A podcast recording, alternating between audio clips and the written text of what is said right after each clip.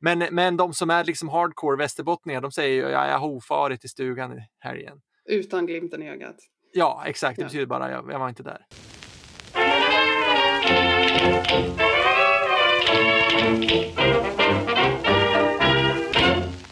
Lysande lagom.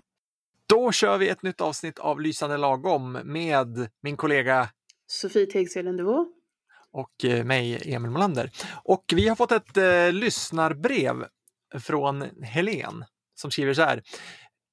Har tänkt att skriva till er ett bra tag och önskar att ni samtalar lite runt ämnet tid och tidsuppfattning. Nu är det bara engelska jag kan tillräckligt bra för att kunna jämföra, men stöter ofta på svårigheter vad gäller just det när jag ska översätta. De är ju så mycket slarvigare vad gäller tid än vad vi är. Och där är det en smiley och slarvigare står inom citationstecken. jag menar, vad innebär egentligen i could not fall asleep last night? Att man inte kunde somna igår kväll eller att man har legat vaken hela natten. Och när på dagen hände något som hände in the morning? Har du något svar på det här Sofie? Ja, alltså, jag, jag, kan hålla med om att jag upplever alltså, de som pratar engelska lite slarvigare än, än de som pratar svenska. Kanske inte just med tid sådär jättemycket, men jag, jag återkommer till det. Men, men jag kommer ihåg att när jag, jag bodde i Storbritannien i ganska många år och jag vet att vi var ute på någon sån här liksom, utflykt och såg någon liksom blåsippa som växte där tidig vår och så sa, sa min kompis då Bluebell. Och jag bara, men det är väl blåklocka? Han bara, ja. Och så kom det fram liksom att alla blåa eller lila blommor, de kallades bluebell. Och, och liksom så här gran, bara Christmas tree. Alltså, det, det fanns någon så här, jag vet inte, när, när man ska liksom namnge saker. Och så, samma sak, liksom, svamp heter mushrooms, som är egentligen champinjoner, men alla svampar mm. är typ mushrooms. Men det, det här är tre exempel från naturen, är det inte bara så att svenskar är mer noga med sånt? Jo, så, så, så, så, kan det vara. Så kan det vara. Men jag tänker att jag tror att, att, att oavsett liksom vilka språk det handlar om så kommer det vara olika liksom, domäner där man är mer eller mindre precis, liksom har större eller mindre behov av att liksom verkligen sätta namn på saker eller, eller grupper. Men för att återkomma till tid, så det här med, med last night, alltså det, det, är ju night på, på engelska kan ju, kan ju både betyda kväll och natt. Eh, mm. och där gör vi liksom en stor skillnad, liksom att kvällen, även om din kväll kanske inte är lika lång som min kväll, så är det ju liksom kväll typ tills man går och lägger sig och lite till och sen natten mm. är ju mm. liksom där man, där man sover eller kanske där man borde sova. Att, jag, mm. jag tittade på tv på kvällen är inte samma sak som jag tittade på tv på natten. Nej, precis. Och det där brukar vara svårt för de som lär sig svenska. Och sen samma sak då med eh, morning. Det kan ju vara både morgon och förmiddag. Precis. Och det är ju också viktigt för oss liksom, att göra den skillnaden. Det är lite subjektivt där också tänker jag. Att, att eh, vad ska man säga, på, på morgonen då är jag hemma och gör mig i ordning för dagen. Medan på förmiddagen då har jag ju liksom kommit igång på något sätt. Jag kanske är på jobbet mm. eller jag har tagit mig ut och gjort någonting. Ja, om man ska stämma träff med någon så säger man ju, vi tar det på förmiddagen och då vet man att det är någonstans und, mellan när arbetsdagen börjar, eller kanske inte precis när den börjar, utan kanske mellan 9 och 12. Då. Men om man säger vi ska träffas på morgonen, då är det direkt från start, liksom. då är det 8 eller 8.30. Ja, precis, det är det första man gör den dagen. Men jag tycker det där väcker liksom lite så här äh, filosofiska nästan tankar om så här, hur vi uppfattar världen påverkas av hur, hur vårt språk är uppbyggt. Liksom. Vi har natt och kväll. Det finns ju språk som inte har något separat ord för fot utan mm. det, det, är ben alltihop. Och, okay. och, så är det en bit av benet som längst ner där. Men de har inte ordet fot utan mm. det, det, är ben. Ja. Och, och det, det, känns ju jätteknäppt. Och på mig. franska har man inte tår utan fotfingrar. Mm, ja. just det. tycker jag är roligt. Men jag tänker, jag, vet, jag brukar få, det kanske är en person som lyssnar på det här, men det är en person som vill ha kurs med mig.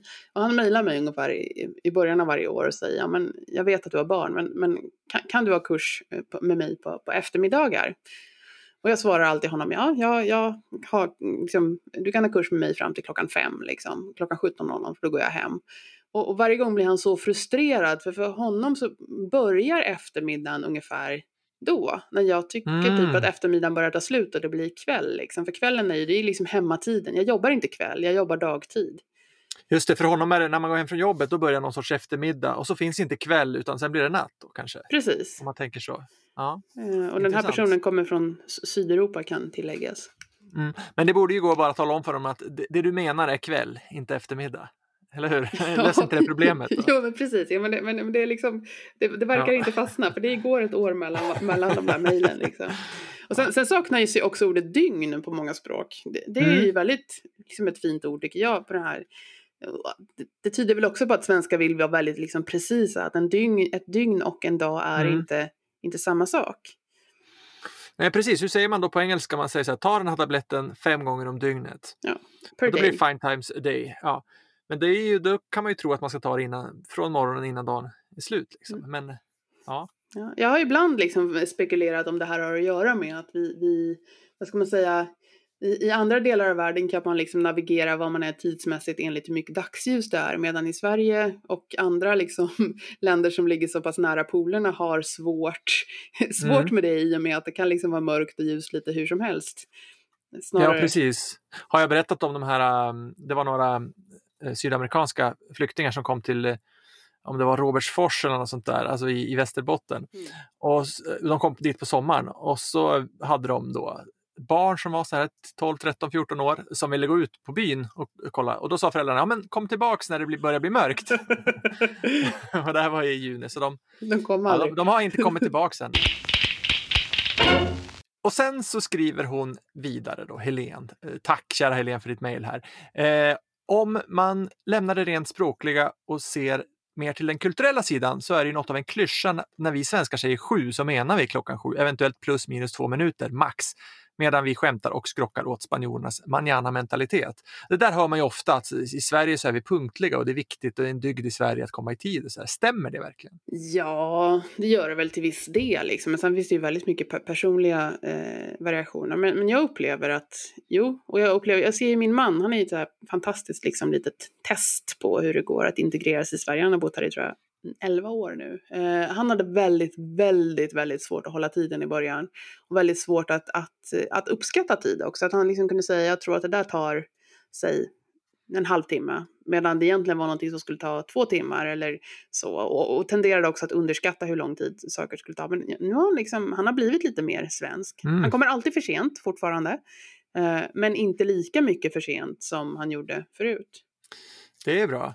Jag har ju, min fru är från Tyskland och då brukar folk tro så här, jaha, tyskar de är ordningsamma, de är ännu punktligare än svenskar. Eh, men den genen har inte min fru då, utan hon är tidsoptimist. Så, så där, det blir ju lite frustrerande för mig då som, eh, för jag tycker ju att man ska komma i tid och har man sagt sju så är det sju. Mm. Eh, så och om man kommer lite sent, om man kommer mer än tio minuter, då får man eh, mässa innan och säga att jag blir sen. Men, varför... Men det tror jag inte folk gör utanför Sverige så värst ofta, kanske i Tyskland. Då. Men varför tycker vi att det är så viktigt tror du?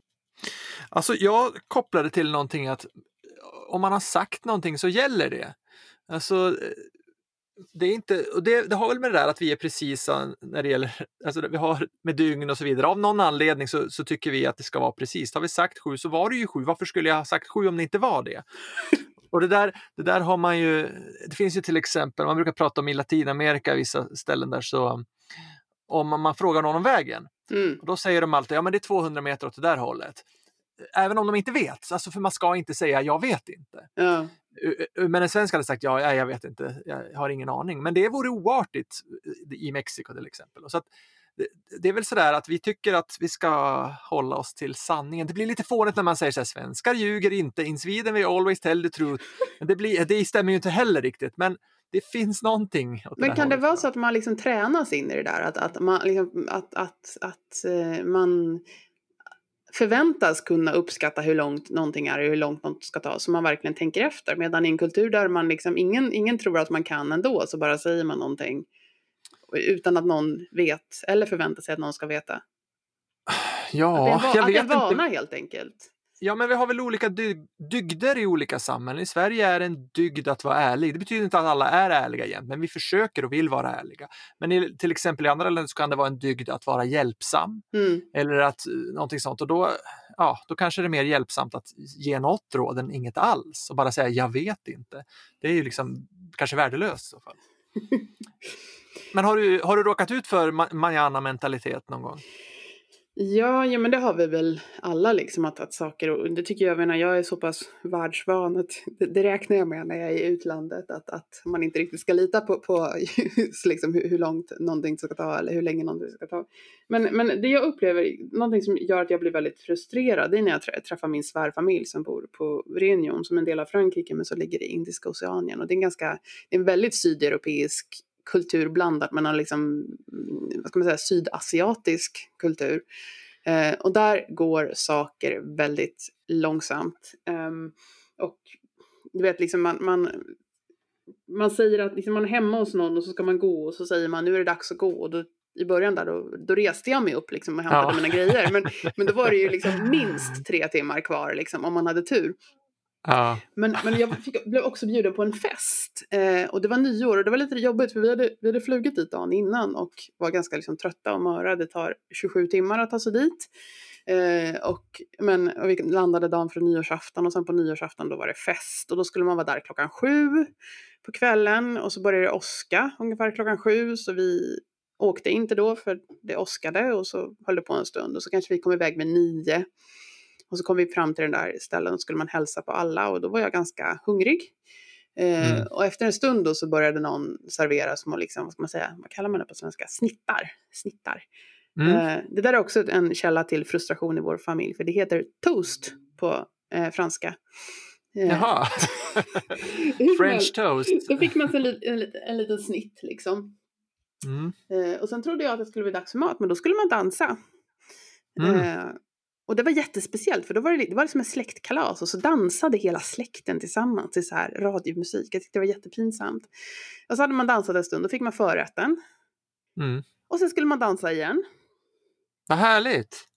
Osvenskt! Och, ja, I den där, men, i den där positiva och, jag, jag var så, så hungrig och frustrerad. Ungefär fram emot midnatt tror jag liksom huvudrätten serverades. Och då var man ju liksom så sjuk av hunger och trötthet liksom efter också att ha dansat liksom med massa fastrar och småbarn och grejer. Eh, mm. och då mm. fick, vi, fick vi mat. Och så tog ju det en himla lång tid och så här, jag bara, men kan vi inte åka hem nu? Jag måste sova liksom, jag är så trött. Och då bara, nej men man får inte åka hem förrän efterrätten har serverats. och de jävlarna drog ut på den där efterrätten till klockan halv fem på morgonen. Mm. Eh, och, och, då liksom kunde folk gå hem. Så det, liksom, det hela gick ut på att, att det var, var oartigt att åka hem för efterrätten och för att det skulle bli ett lyckat fest liksom, så skulle folk stanna kvar så länge som möjligt och därför serverade man liksom, inte efterrätten förrän ja, tidigt på morgonen. Och Alltså om, om vi ha, bara hade fått mat från början då hade vi haft så kul att vi hade stannat liksom.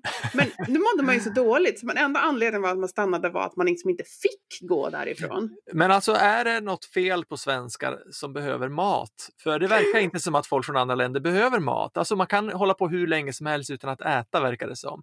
Alltså om du har haft en grupp med utomeuropeer på kurs någon gång så kan du ju räkna på eh, din ena hands fingrar hur många av dem som äter någon lunch överhuvudtaget. Mm. Vi har en timmes lunchpaus ingen äter någonting, möjligtvis ett äpple.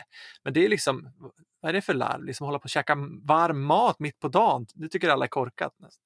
Ja, och så eh, står de och väntar irriterat när man själv liksom hetsäter lunch och så en banan och en banan till. Liksom. Ja, ja men, och, och jag var med om en liknande incident i, i Spanien. Jag blev, det skulle följa med något gäng ut och käka middag.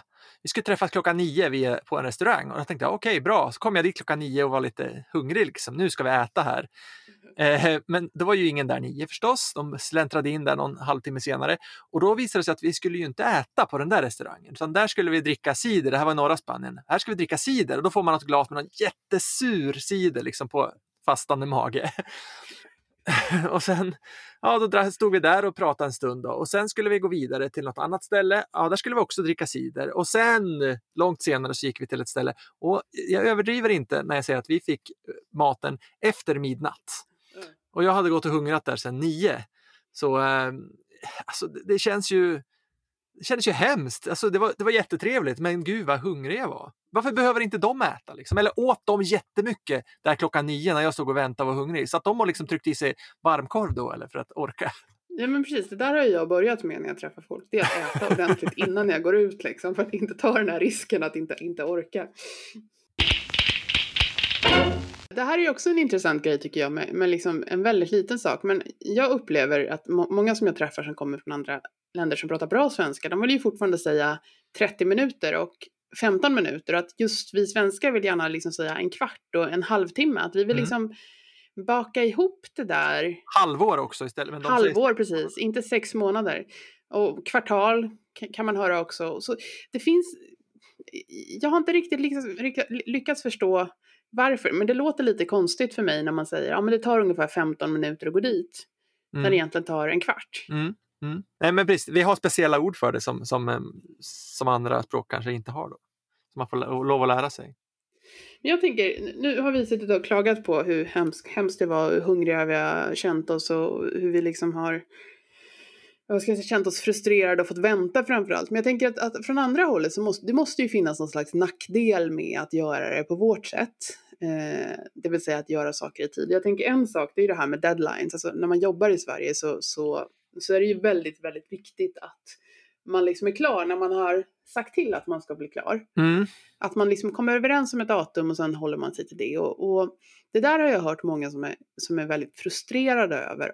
Och det är att liksom att det påverkar slutresultatet. Att om man kommer från en annan kultur så kanske man säger okej, okay, ja, men vi blir inte klara i tid, men vi kan i alla fall göra liksom ett bra jobb. Mm. Eh, Just det, det där tar ni upp i er bok, den här Working in Sweden, The A to Z Guide, som kommer i svensk version här nu i, eh, i augusti med, med tips då inför eh, att arbeta i Sverige, kulturella tips. Att det här, det är viktiga att det blir klart i tid än att det blir bra. Precis, och ett, ett ord som vi har i originalutgåvan, den engelska utgåvan, det är excellence. Och det där har jag då försökt översätta till svenska. Och om man går in på till exempel tyda.se som har en ganska bra översättningsfunktion, lite överlägsen eh, Google Translate, så tre alternativ för det engelska excellence. Då har vi överlägsenhet, förträfflighet mm. och högsta klass. Mm. Och jag vet min man till exempel som är en person som gärna liksom strävar efter excellence. Att han vill ju kunna säga liksom om han går på jobbintervju eller om han ska liksom prata om någon slags mål med eh, pro projektet. Han skulle, man kan inte säga i Sverige, jag vill att det här projektet ska vara överlägset. Ja, det ska vara förträffligt. ja, nej, fast det låter man, inte, som man, liksom man skulle inte säga det. Nej, och man skulle inte heller säga högsta klass. Alltså det är en jävla pretto över det här. Mm. Eh, som liksom inte funkar i Sverige.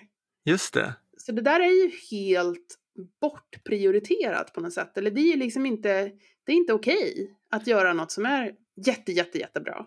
Nej, men det är inte bara att det är underförstått att det ska bli bra. Klart det ska bli bra. Varför skulle vi annars hålla på? Ja, men det ska bli lagom bra, för det ska bli klart i tid också. Få det gjort. Ja, just det. Och vi ska hämta på dagis i tid och sådär. Vi ska hämta på dagis i mm. tid mm. och sen är det semester och sen ska Gittan gå på föräldraledighet. Ja, och så, och så är det ju friskvårdstimme också. Precis. men, det där, ja, men det där är ju fint, vi har en väldig förståelse för det där och det där fick jag höra från en tysk som hade jobbat i Tyskland och i Sverige. Han sa så här, att i Tyskland så är det mycket hårdare om man, om man är leverantör till exempel och så har man sagt att det ska bli klart den 6 april och man ska leverera någonting. Ja, då ska det ju vara klart och blir inte det så blir de ju förbannade, de som hade beställt det. Men i Sverige är det inte riktigt så, utan där kan man liksom, ja, det var sagt 6 april, men tyvärr, vi, det kommer ta, dröja en vecka till och då är det så, jaha, ja, det är inget att göra åt. Alltså det finns en större acceptans för det i Sverige. Om det meddelas i god tid. Ja. För det, för det upplever min man, liksom. det ska klart 6 april och ungefär den 7 april frågar någon vad, vad är grejerna liksom. Mm. Han bara, ja nej men vadå, det, det, det blev inte bra så jag lämnar inte in den. bara, mm. Säg det då! Liksom. Ja, just det. Så det är väl också väldigt tydligt att man, liksom, man, man, det finns en flexibilitet i planen, att man kan liksom komma överens om, om om nya tidpunkter och mm. nya deadlines. Men man kan liksom inte bara strunta i dem. Det måste vara planerad att... flexibilitet. Planerad flexibilitet. Det var samma sak som jag berättade någon gång för några kursdeltagare att min kompis hade skrivit ett mejl och sagt hej, jag kommer till Umeå den 3 maj, kan jag sova över hos dig? Och jag svarade ja, men självklart, det går jättebra. Och mina kursdeltagare tyckte det där var så konstigt. Liksom, det är februari nu, måste han skriva det innan? Alltså, mina vänner de får komma, de kan komma samma kväll och självklart får de sova. Och de behöver inte säga till. Liksom. Men det är så självklart, alltså, det vore ju fräckt om min kompis skulle ringa på bara. Ja men hej, jo jag, jag, jag har en kurs i Umeå den här dagen så får jag sova hos dig. Och du bara, nej men jag har tvättstuga ikväll. ja, nej. nej, men jag hade sagt, jaha, ja, okej, okay. ja, men kom in då, men fräckt liksom. Så hade jag snackat skit om honom med min fru sen. Liksom. Alltså, hur kan han göra sådär? Men om, om man kommer tillbaka till det här med, liksom, som, som Helene frågade om, om tid och sådär. Det finns ju andra sätt också att, att prata om tid. Jag tänker en, en sak som kan vara ganska svår för nybörjare på svenska. Det är liksom bara skillnaden på att, att, att somna och att sova mm. till exempel. Just det. Och där har vi liksom, kommunicerar vi på något sätt att den ena är liksom en punkt, punktförteelse. Att, att det, här, det här händer liksom en gång och den andra är någonting som fortsätter över en, en, en, en längre tidsintervall. Mm. Precis, ja, men det där är ju, tillhör väl det som kallas aspekt inom grammatiken. Alltså det är huruvida man gör någonting tillfälligt eh, under en, en, en enstaka gång eller om det är upprepat eller om det är en avslutad handling eller en oavslutad handling. Och så Till exempel att vi, vi säger eh, att jag äter varmkorv eller att jag äter upp mm. varmkorven. Mm. Äter upp då är, det, då är det avslutat och klart men eh, om jag äter den, ja då håller jag på med det. Mm. Det där är lite krångligare på svenska än på andra språk. Dels för att, för till exempel på engelska, då säger man ju I slept eller I was mm. sleeping mm. när någonting annat hände. Man har både de, sleep och to be sleeping. Gerundium och, och den vanliga formen. Och det har vi inte på svenska. Man säger inte jag var sovande, utan då måste man ta till andra ord istället och säga jag låg och mm. sov. Då betyder det att det var att det är något pågående. Precis, och det är väl ganska specifikt till svenskan att vi är intresserade också vilken, liksom, vilket läge kroppen är i. Om man står, eh, står mm. och väntar och ligger och sover och sitter och jobbar. Och ibland blir det där liksom får ju det här liksom en nästan egen funktion. Att man kan fråga så här, vad sitter ni då? Ja, vi sitter vid Stortorget. Att, att, alltså det handlar, ja, då mm. vet man att det är jobbet man pratar om. Ja, just det, precis. Och sen har vi håller på. Håller på. Det är det också. Vi, jag, håller på jag håller på att diska nu, men jag kan inte så jag kan inte komma eller något sånt.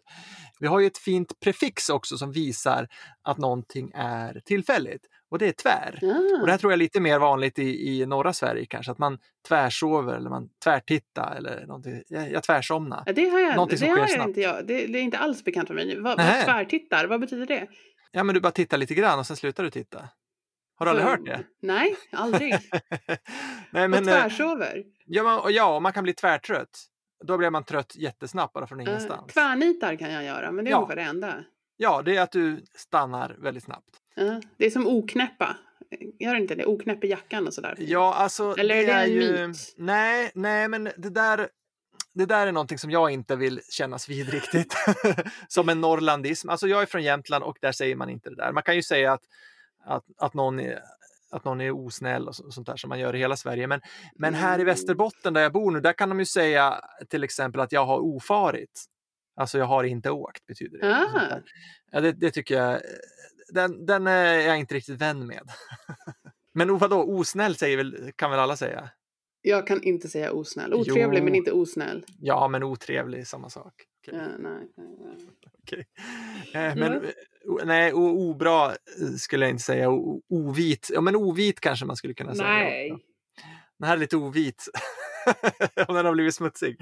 Nej, men det, det, säger man ju, alltså ofta när man säger det så gör man det med, med lite, vad säger man, med glimten i ögat. När man säger att man har, att den här, det här blev lite för obra. Då är det lite, yes vi är norrlänningar, nu skämtar vi lite om att vi är det. Men, men de som är liksom hardcore västerbottningar, de säger ju, ja, jag har ofarit i stugan i helgen. Utan glimten i ögat. Ja, exakt. Det ja. betyder bara jag, jag var inte där. Mm.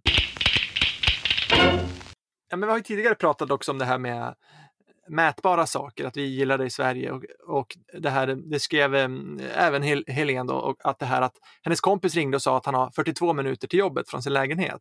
Alltså det är inte 40 minuter eller det är inte tre kvart utan det är precis 42 minuter. Vad är det där liksom att det ska vara så exakt? Ja men det, det tror jag. Det, det, svenskar är väl liksom ett, vad ska man säga, vi vill gärna kalla oss liksom rationella, neutrala och liksom att sakliga. Det, det, det, känns väldigt lätt att säga 42 minuter om det är 42 minuter, för då behöver man liksom inte ta ställning. Man behöver inte korta ner det, man behöver inte liksom runda runda, vad säger man, runda upp det. Eh, det, blir, det blir liksom, utan det, det, känns skönt för en svensk tror jag att, att behöva att kunna mäta någonting och säga exakt vad det är. För då behöver man inte heller säga det är 16 grader ute. Då behöver man inte säga det är kallt eller det är varmt. Jag behöver inte ta ställning i den frågan. Det är mm. ingen som kan bråka med mig om jag säger att det är 16 grader. Däremot om jag säger det är varmt, då kan någon annan komma och säga nej, det är inte alls, det är kallt. Mm, just det. Så att vi vill ju inte lägga, liksom, lägga någon värdering i, i det vi gör, utan vi föredrar att hålla det väldigt sådär precis. Liksom. Och då behöver vi inte riktigt avslöja vilka vi är. Mm. Utan då kan vi ju liksom gömma oss i någon anonymitet där. Att vi liksom, nej men jag tycker inte det är varmt i vattnet när det är 16 grader i vattnet. Eller jag är ingen badkruka som tycker det är jättekallt när det är 25 nej, grader i vattnet. Utan det är 25 grader. Vi kan ha konsensus. Vi kan ha konsensus. Men vi kan ju sitta och debattera så här, vilket år var det där? Som, var det pingsthelgen 67 eller 68 som morfar fick upp storgäddan? Skriver Helen till oss.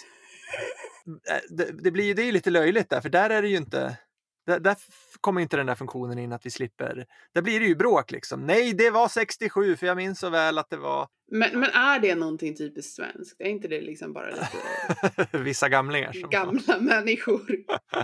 Okej, vi säger det då. En sak som jag tycker är konstig med tid är att i Latinamerika, där är en vecka åtta dagar. Ja, men det där är ju samma i Frankrike. Man säger man ska vara borta 15 dagar eller 8 ja. dagar. Man bara, vadå 8? Ja, men... Exakt. Ja. Kom, kom tillbaks om 8 dagar säger de. Och då är det liksom samma dag nästa vecka de menar. För de räknar idag som första dagen. Precis, de inkluderar till, från, från idag till imorgon. Mm. Till imorgon är det två dagar. Mm. Ja. Jag, jag, jag, blir sur på det där. Jag satt med några och försökte. Okej, okay, så om åtta dagar, det är, det är alltså nästa onsdag. Hur många dagar är då sju? Och så gick det ner. Okej, okay, så om en dag. när det, hur många dagar är det? Om en dag. Ja. Och då jag säga, ja, det är ju idag. så jag tycker det är knäppt. Men de har till och med ett ord för en 15 dagars period, kinsena. Och man, mm. kan få, man kan få sin lön baserat på 15 dagars period. Och där är det ju rimligt för eh, det är en halv månad. För månader är oftast 30 dagar eller 31. Så 15 dagar halva månaden. Det är rimligare. Men varför är inte två veckor 16 dagar om en vecka är 8 dagar? Det är konstigt.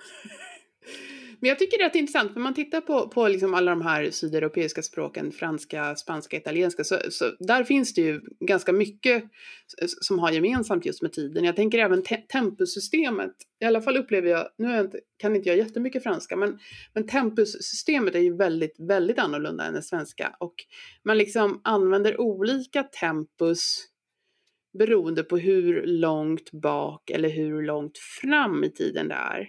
Mm. Så att om någonting liksom är för väldigt länge sedan, då använder man ett annat tempus än om det var för länge sedan eller om det var bara för en liten stund sedan. Oj, och jag är så glad att jag inte pluggar franska. Och, och det där i sig är ju liksom kontextuellt, alltså om man pratar vad är länge sedan beror på, pratar vi liksom om, om jordklotets historia, då är ju länge sedan längre bort än om jag pratar kanske om mina barns liv eller... Storgäddan 67. Ja, och det där har jag jättesvårt att, att, att liksom förstå. Jag, jag fattar inte riktigt hur det fungerar. Jag har fått det förklarat för mig hundra gånger. Jag kan ändå inte förstå det. Men det jag upplever ofta när jag har eh, kursdeltagare som kan franska och ibland också italienska är att de gärna vill använda det svenska pluskvamperfekt på ett sätt mm. som inte liksom funkar på, på svenska. Så att då kan de börja liksom, om man ska liksom förenkla det lite, om de pratar i förrgår, då säger de, ja jag hade, jag hade druckit kaffe i förrgår, men jag drack mm. kaffe igår. Mm. Och det där blir jättekonstigt för en svensk. Det där, ja, pluskvamperfekt är ett svårt tempo, så det där är det många som gör fel på på olika sätt. Jag har mm. inte tänkt på att det, att det är just det där att de tänker att det är mer länge sedan. Det kanske det är, det ska, det ska jo, ja, men tänka på. Tänk på det. det... Um, men spanska har ju också två olika tempus för förfluten tid. De har... De har två bara? Ja, bara två. Ja, men de har ett, de har ett då som är eh, ablé, som betyder att jag pratade. Men så har mm. de också ablaba som betyder jag stod och pratade. Eller jag höll på att prata. Så det här, mm. den här Aspekt, ja, aspekten av någonting oavslutat. Det är ganska snitsigt ändå att man kan välja men det är lite svårt för ibland väljer man fel då, som andraspråkstalare av spanska. Mm. En sak som var intressant var ju, jag lärde mig, jag pluggade lite spanska och då lärde jag mig att nu det heter ahora på spanska. Mm. Och sen så kom jag till Costa Rica och då var det aldrig någon som sa ahora utan då, de sa ja när de menade nu. Ja, och det betyder alltså, om man tittar i ordboken, det betyder redan. Uh-huh. Men om man säger ahora, då är det ett mycket större nu. Alltså då är det lite nu för tiden eller nu idag eller någonting sånt. Men om jag säger kom nu, då måste man säga kom redan. Ja. Och det där tycker jag är lite intressant.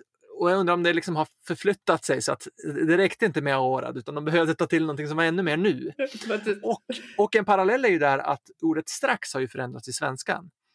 När min pappa var liten så kunde man säga strax och då betyder det nu, nu direkt. De, okay. de, till, de kunde säga till barnen så här, kom och sätt dig och ät alldeles strax.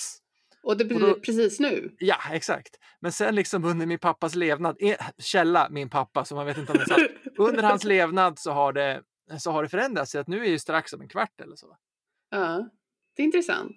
Jag tänker också, en, en annan sak som är lite intressant på svenska, det är ju att vi har både då och sen. Eh, mm. Som till exempel på engelska är samma ord. Och det där kan vara väldigt, väldigt, väldigt svårt att förstå sig på. Att, att vi har ett då som är samtidigt som något annat och sen har vi ett sen som är precis efter. Kan du ge exempel? Eh, vi satt och fikade, då, gick, då kom en eh, fågel och flög förbi. Precis, vi satt och fikade och då kom en fågel och flög förbi. Vi satt och fikade och sen gick vi hem. Men där kan, mm. där kan man, eh, där kan en andraspråkstalare säga vi satt och fikade och då gick vi hem. Just det, för then, på engelska skulle båda vara then, ja. Precis. Just det, just det, just det. Och det där är, kan, jag tycker ju att det där är solklart, liksom att det ena är samtidigt som och det andra är efter. Ja. Men det där är svårt. Och så har vi ett till då också. Då kan ju betyda eftersom också. Jag vill ja. inte följa med dig då du tycker att jag är ful. Precis, och sen kan också betyda som engelskans since. Ja, just det. Vi har inte sett sen förra året. Precis, och since i sig kan betyda samma sak som då. ja, just det. Då som betyder eftersom. Ja, precis. Ja, någon, någon gång ska jag rita upp det där som ett slags mm. diagram. Det blir alltid besvärligt när man håller på och jämför språk sådär. Alltså, därför jag, försöker jag inte ägna mig åt det så mycket i undervisningen. Utan för att jag, jag, vet inte så mycket om hur sånt här förhåller sig på alla möjliga språk. Eller på, jag vet ingenting om nästan om arabisk liksom, syntax och sådär. För att det blir bara krångligt på något sätt om jag ska hålla på och jämföra och titta på det, hur det kan vara si eller så. Jag ägnar mig bara åt att tala om hur det är på svenskan. Mm.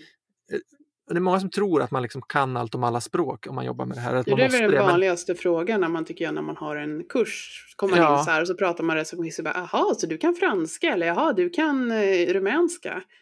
För att man då har någon som kommer från Rumänien och säger nej, jag, jag, kan svenska. Och så blir de väldigt förvånade över att man, man lär ut svenska på ja. svenska just och inte på rumänska. Ja, så men, man, har, man har inget för att hålla på och sitta och fundera på hur det kan vara på olika språk. Det är bra att ha det i bakhuvudet och veta lite om det sådär om man hamnar i någon svår situation. Men oftast så är det helt irrelevant. Jo men alltså de, dels så kan man ju inte de språken så bra som den personen. Om man har att göra med en modersmålstalare så kommer man ju definitivt göra bort sig och säga fel.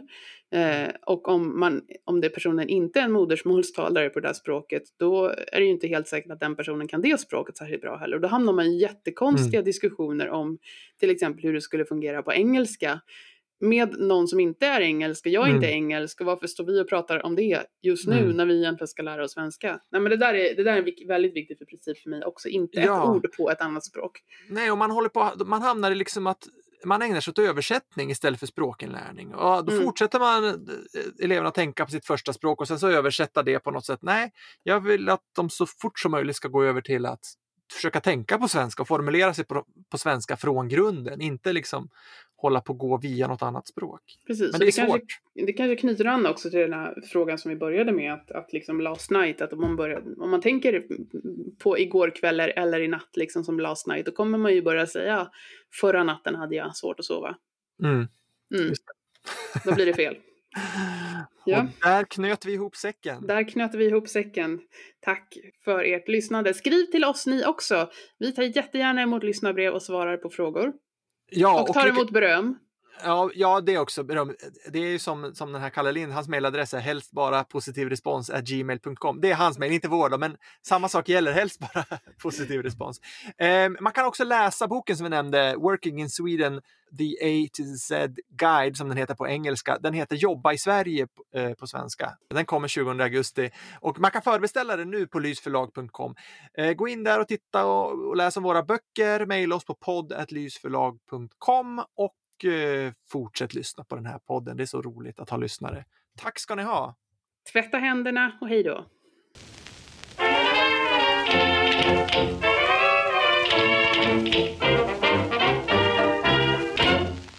Lysande lavam.